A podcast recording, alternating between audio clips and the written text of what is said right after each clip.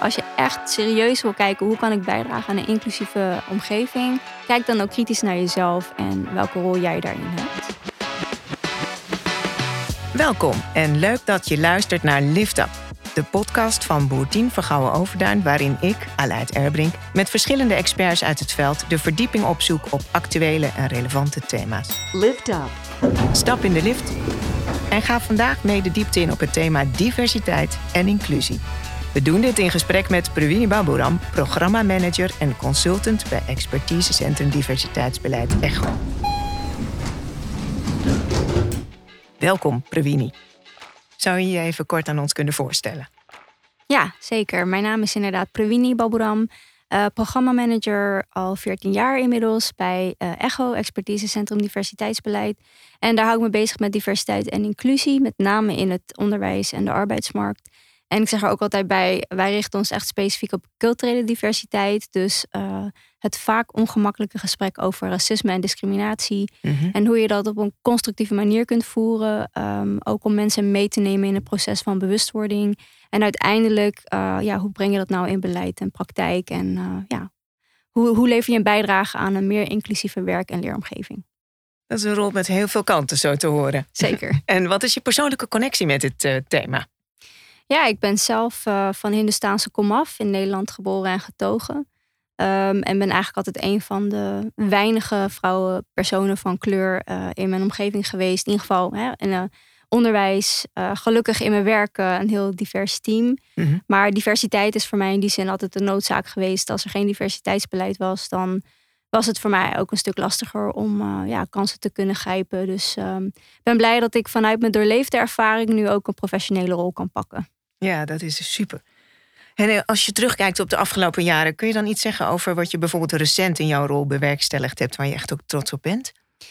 Ja, kijk, ik, ik denk dat het belangrijk is om te benoemen dat het werk van diversiteit en inclusie echt collectief werk is. En dat we zeker vanuit ECHO onszelf ook echt zien als onderdeel van een grotere sociale beweging die eigenlijk ja, voor sociale rechtvaardigheid um, zich inzet.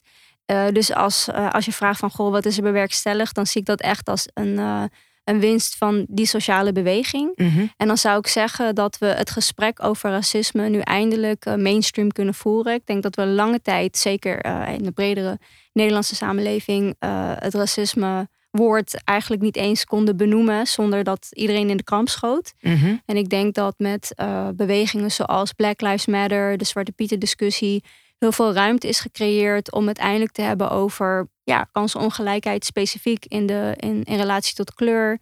Uh, en dat ook echt organisaties nu, hè, dus instituties, overheden, onderwijsinstellingen, media, ja, zich nu ook buigen over de vraag hoe zit het eigenlijk bij ons en wat kunnen wij doen om uh, daar bewuster, uh, sensitiever en ook proactiever mee om te gaan. Ja. Ja, dus er is best veel veranderd ook. Zeker, zeker. Ja. Ik denk dat, uh, ja, dat wij ook echt merken in ons werk waar we uh, expertisecentrum diversiteitsbeleid heten. Uh, eigenlijk hebben we ons altijd bezig gehouden met racisme en discriminatie. Maar ja, 25 jaar geleden konden we dat ook niet zo benoemen. Hè? Dus dan, dan kwam je eigenlijk ja, voor gesloten deuren te staan. Dus ik denk dat de taal die we nu hebben om het er met elkaar over te hebben, ook veel, veel me meer mainstream is geworden. En dat mensen ook veel meer openstaan om daarmee aan de slag te gaan. Ja, ja. Nou, dat is, dat is op zich goed nieuws. Zeker, zeker. hey, als je kijkt naar de termen diversiteit en inclusie, ze worden vaak in één adem genoemd. Uh, uh, wat versta jij er eigenlijk onder? Ja, ik, uh, in ons werk krijgen we heel vaak het gezegde: diversiteit is uitgenodigd worden op het feestje en inclusie is mee mogen dansen. En ik denk dat, uh, dat we daar um, ook wat kritischer naar mogen kijken. Uh, ik denk dat diversiteit eigenlijk een gegeven is. Zeker als je naar de Nederlandse samenleving kijkt. De diversiteit is er gewoon. Mm -hmm. uh, de, daar heb je geen keuze in, dus het is een gegeven.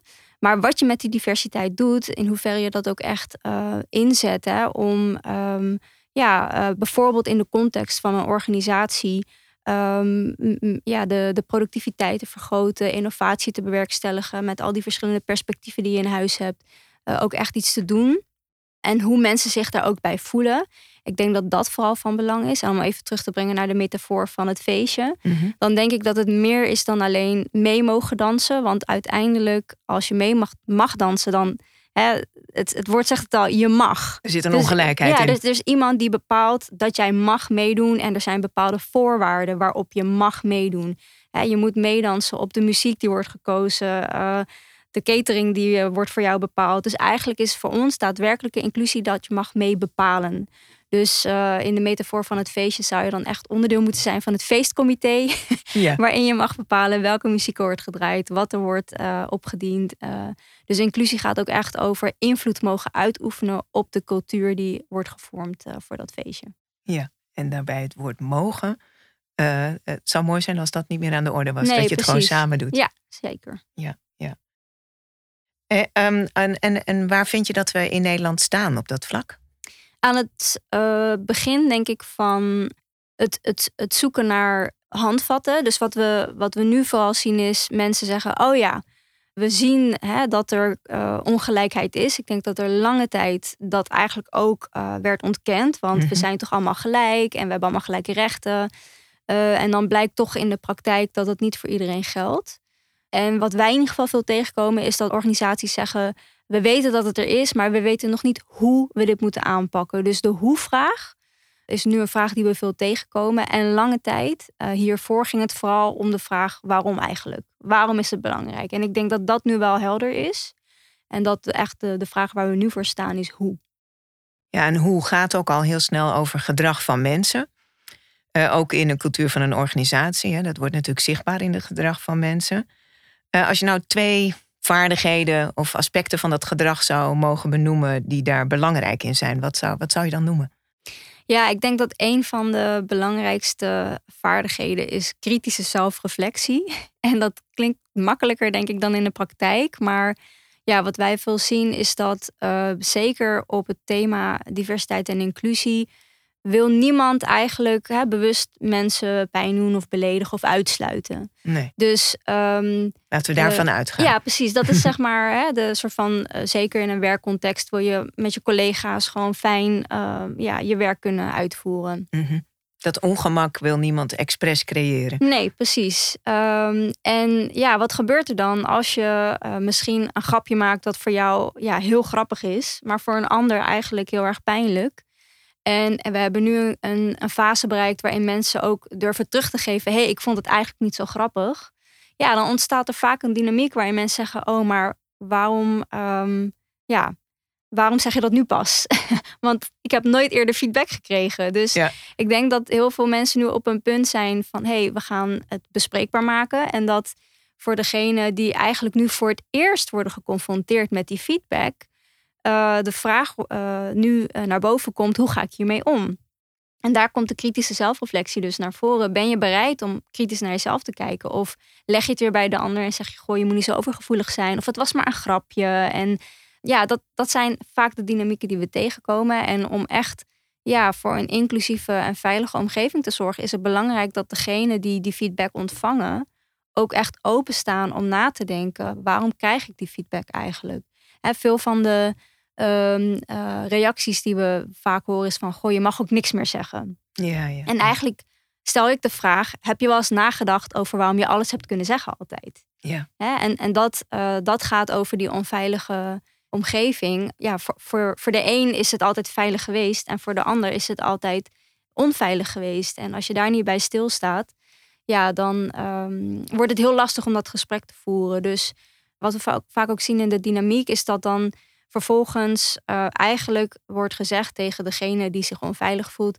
Doordat jij dit nu zegt, voel ik mij onveilig. Dus degene die de onveiligheid creëert, die wordt nu het slachtoffer. ja. En dat bedoel ik met kritische zelfreflectie. Als je echt serieus wil kijken hoe kan ik bijdragen aan een inclu- inclusieve eh, omgeving, kijk dan ook kritisch naar jezelf en welke rol jij daarin hebt. En dat was de eerste. Jij vroeg, Ja, eh, ja, ja. jij vroeg naar twee. Kom maar door. Ja, ik denk dat eh, voor het tweede belangrijk is dat je ook echt je eigen referentiekader gaat verbreden. Eh, ik denk dat heel veel mensen onbewust ja, toch ervan uitgaan dat de manier waarop zij de wereld beleven en naar de wereld kijken universeel is. Dat het voor iedereen geldt. Mhm. En ik denk dat het goed is om eh, erbij stil te staan dat het een specifiek wereldbeeld is en een specifiek referentiekader. En dat je ja, in gesprek met anderen dus eigenlijk gaat kijken, goh, wat zijn er andere perspectieven waar ik nog onbekend mee ben? Uh, maar die ik wel tot me kan nemen. Dat betekent niet dat je het ermee eens hoeft te zijn. Mhm. Maar het gaat er vooral om: heb je een diversiteit aan perspectieven tot je genomen? Um, en dan kan je uiteindelijk voor jezelf bepalen waar je staat. Maar ik denk, ja, toch het stukje referentiekader verbreden helpt al heel erg in het gesprek. Ja, ja. En eigenlijk zeg je ook van, nou, je, je moet je gewoon super bewust zijn van het feit dat jouw perspectief maar één van de vele is. Zeker. Ja. ja. En als je dan kijkt dat we een, tijdje op weg zijn om uh, te werken aan diversiteit en inclusie, wat, wat zie je dan eigenlijk als het grootste struikelblok uh, op die weg? Um, ik denk dat veel mensen het individu als startpunt hebben. Hè? Dus dat je eigenlijk zegt van goh, hoe kan je individuen bewust maken hè, van de rol die ze hebben in onveiligheid en hoe kunnen ze bijdragen aan inclusie. En ja, wat wij eigenlijk zien is dat het echt een collectieve effort moet zijn. en om hem even heel concreet te maken, als we kijken naar diversiteitsinitiatieven, dan zijn het vaak uh, de mensen die of persoonlijk erdoor geraakt worden, Mhm. of uh, mensen die het belangrijk vinden, die intrinsiek gemotiveerd zijn. En um, dan komen eigenlijk alle vragen over diversiteit en dus ook alle handelingen of acties die ontwikkeld moeten worden op hun schouders neer. Mm En de rest zegt dan van, nou, vertel me maar wat ik moet doen.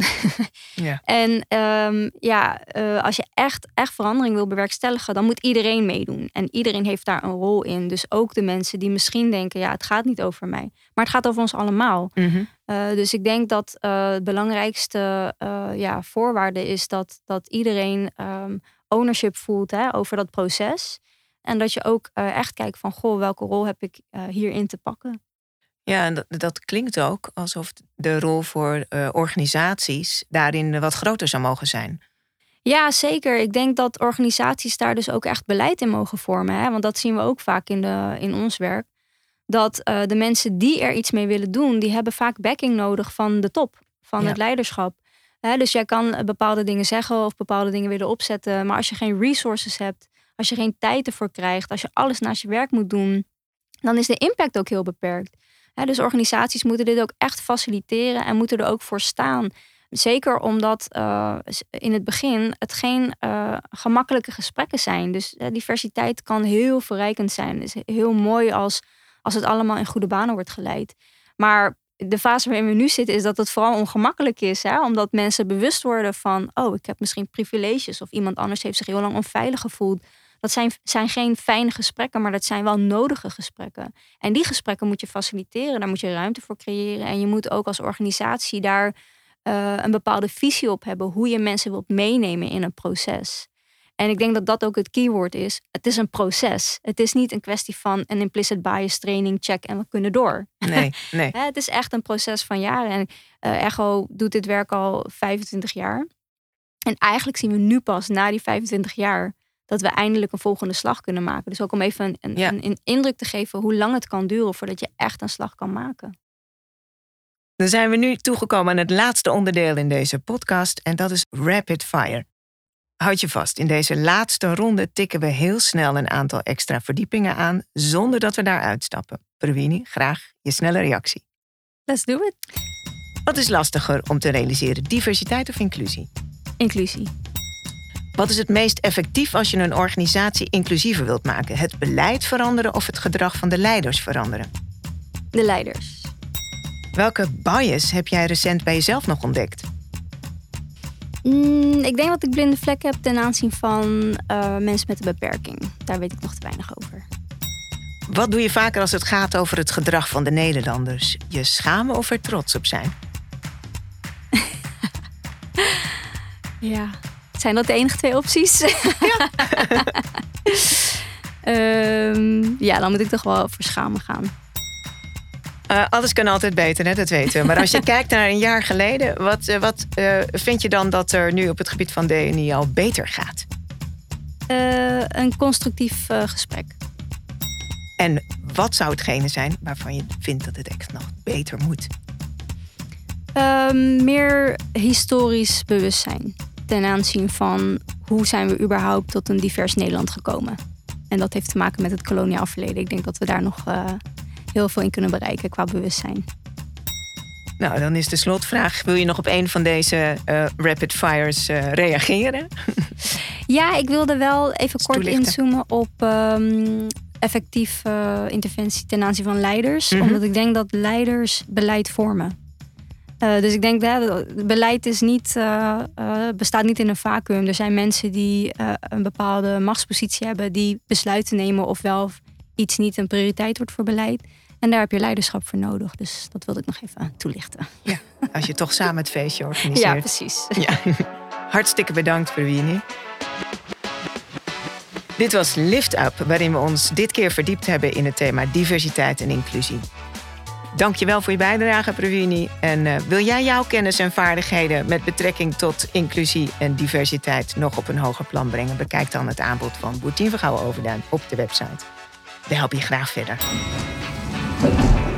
Lift Up.